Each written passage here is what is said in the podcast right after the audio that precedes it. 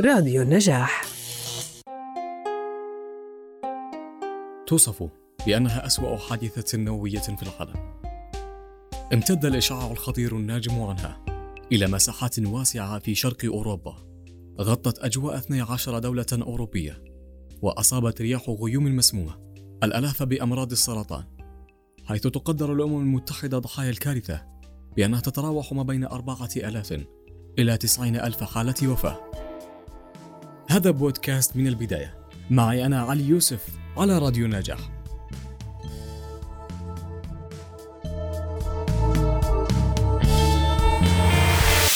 كيف بدأت قصة الرعب في تشيرنوبل؟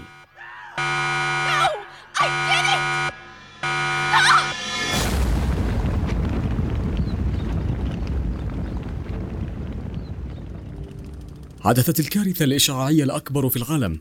في المفاعل رقم أربعة من محطة تشيرنوبل للطاقة النووية. في يوم السبت السادس والعشرين من إبريل عام 1986 قرب مدينة بريبيات في شمال أوكرانيا السوفيتية.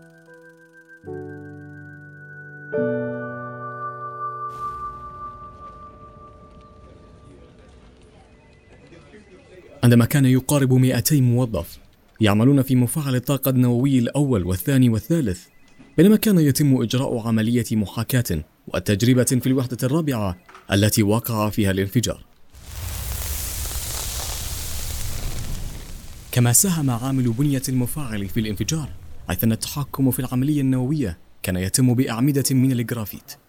عند إجراء الخبراء بالمحطة تجربة لاختبار آثار انقطاع الكهرباء عليها أدى خطأ في التشغيل بعد إغلاق توربينات المياه المستخدمة في تبريد اليورانيوم المستخدم وتوليد الكهرباء إلى ارتفاع حرارة اليورانيوم بالمفاعل إلى درجة الاشتعال.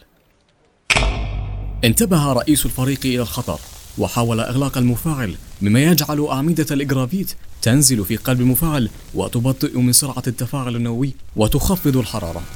إلا أن هذه الطريقة جعلت الحرارة تزداد لوهلة قبل أن تشرع في الانخفاض. وبما أن المولد كان غير مستقر والدورة الحرارية مشوشة من أثار الاختبار كان هذا هو العامل الذي أدى إلى اعوجاج أعمدة الجرافيد وعدم إمكانية إسقاطها في قلب المفاعل. ما جعل الحرارة ترتفع بشكل كبير وتشعل بعض الغازات المتسربة وتسببت هذه بانصهار قلب المفاعل الرابع وحدوث انفجارين كبيرين أعقبهما. اشتعال النيران بكثافة في هذا المفاعل. وحملت الحرارة والدخان الناتجان من النيران المشتعلة المواد المشعة إلى السماء لمسافة كيلومتر واحد بالمنطقة.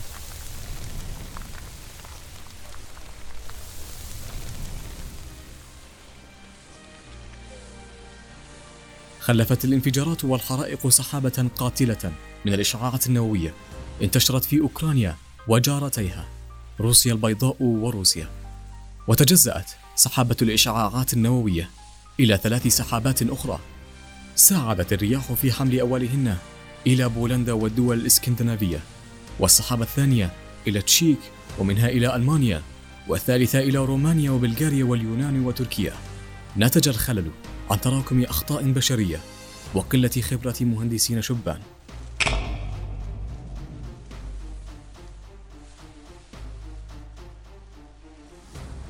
الكبرياء لم يتخذ المسؤولون السوفييت قرارا بالبدء في عملية إخلاء مدينة بريبيات إلا بعد أكثر من 36 ساعة من وقوع الكارثة. وفي غضون أربعة ساعات فقط تمكنت القوات الروسية من إبعاد ما يقارب 49 ألف شخصا عن المدينة في أسطول يتكون من 1200 حافلة. قطعت الطريق جيئة وإيابا. بحلول اليوم الثالث لم يكن أي تصريح قد صدر من الاتحاد السوفيتي عن الكارثة حتى وصول الإشعاع إلى السويد. هناك وضعت السويد خريطة لمستويات الإشعاع المتزايدة واتجاهات الرياح. بعدها طالبت السويد بتفسير عندما سجل مشغلو محطة الطاقة النووية في العاصمة ستوكهولم مستويات إشعاع عالية جدا بالقرب من محطتهم. ثم أعلنت السويد للعالم هناك حادثة نووية وقعت في مكان ما في الاتحاد السوفيتي. سريعا. أيقن العالم أننا أمام لحظات تاريخية. It took a full 18 days before the Soviet leader Mikhail Gorbachev made any public pronouncement on the nuclear disaster at Chernobyl. 30% من 190 طنا من اليورانيوم. الموجود في المفاعل. تحترق وتنتشر الآن في الهواء. وفي النهاية اضطر الاتحاد السوفيتي إلى الاعتراف بوقوع كارثة نووية في بيان قصير في الثامن والعشرين من إبريل عام 1968 نحن بحاجة إلى المساعدة. في عام 1990 أعلن الاتحاد السوفيتي لأول مرة عن حاجته إلى مساعدة دولية. وبناء على ذلك اعتمدت الجمعية العامة القرار 190 داعية فيه إلى التعاون الدولي للتخفيف عن الآثار الناتجة من هذه الكارثة.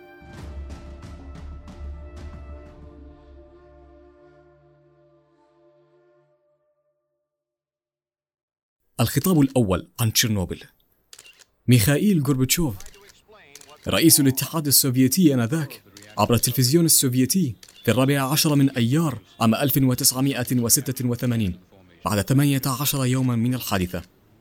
كما تعلمون جميعا أصابتنا مصيبة. إنني أشير إلى الحادث الذي وقع في محطة تشيرنوبل للطاقة النووية. إنها لتجربة مؤلمة للشعب السوفيتي. وسببت القلق للعالم بأسره. إنها المرة الأولى التي نواجه فيها قوة هائلة مثل الطاقة النووية. في ضوء الطبيعة الغير العادية والخطيرة لما حدث في تشيرنوبل سيتولى المكتب السياسي مسؤولية التنظيم الكامل للعمل المطلوب لضمان أسرع إجراء ممكن للسيطرة على الحادث والحد من آثاره. تم تشكيل لجنة حكومية وغادرت على الفور إلى مكان الحادث، بينما تم تشكيل مجموعة داخل المكتب السياسي تحت قيادة نيكولاي إيفانوفيتش للتعامل مع الأمور التشغيلية.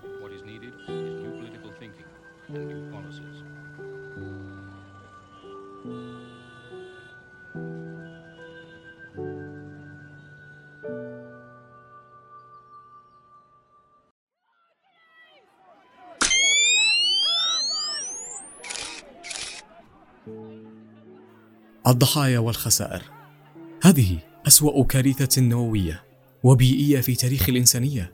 تلوثت المنطقة المحيطة بالكامل إشعاعيا ومات في الأسابيع الأولى للكارثة وفق التقارير الرسمية حوالي 30 عاملا. أغلبهم من رجال الإطفاء والمستجيبين الأوائل. بالإضافة إلى تعرض 600 ألف شخص ممن شاركوا في عمليات الإخلاء أو الإطفاء أو التنظيف للإشعاع بأشكال مختلفة. فأنه خلال عام 1986 أخلي أكثر من 115 ألف شخص من مناطق تحيط بالمفاعل النووي وأعيد تسكينهم في أماكن أخرى.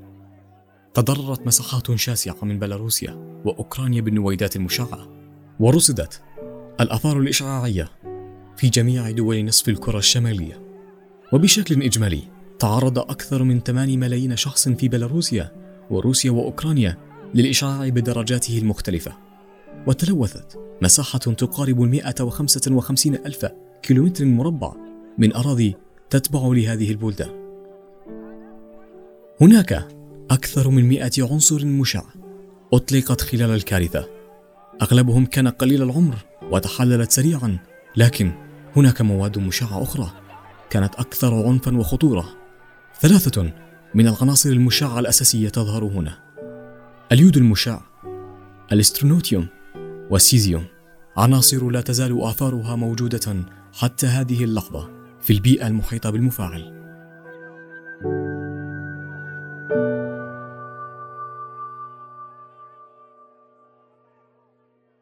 وفق تقرير الوكالة الدولية للطاقة الذرية فإن هناك على الأقل 1200 حالة موثقة بسرطان الغدة الدرقية عند الأطفال من سن الواحدة إلى 14 عاما وهي نسبة أعلى بكثير من النسبة الطبيعية. إذ أن الغدة الدرقية عند الأطفال تكون حساسة بدرجة كبيرة لامتصاص مادة اليود المشع أحد الأسباب الأساسية للإصابة بسرطان الغدة.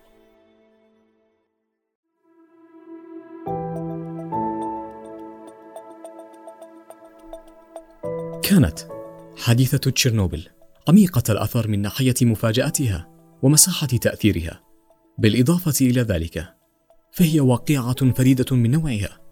لم يكن لدى المسؤولون فكرة عما تعنيه كارثة بهذا الحجم ولا نقاط تصرف أساسية لمثل هذه الظروف. وكانت هذه مساحة تصلح للارتجال. بلغت الخسائر المادية ما قيمته أكثر من ثلاث مليارات دولار أمريكي. أكثر من مئة عنصر مشع أطلقت خلال الكارثة. أخلي السكان من مدينة بريبيات على وعد بالعودة إليها سريعا وهو ما لم يحدث أبدا.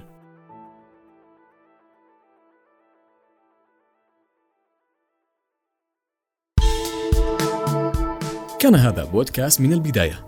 معي أنا علي يوسف من الإعداد والتقديم ومن الهندسة الإذاعية أسامة صمادي. لا تنسوا الاستماع إلينا على SoundCloud و Spotify و Google Podcast و Apple Podcast. ومن خلال موقعنا النجاح dot net. إلى اللقاء.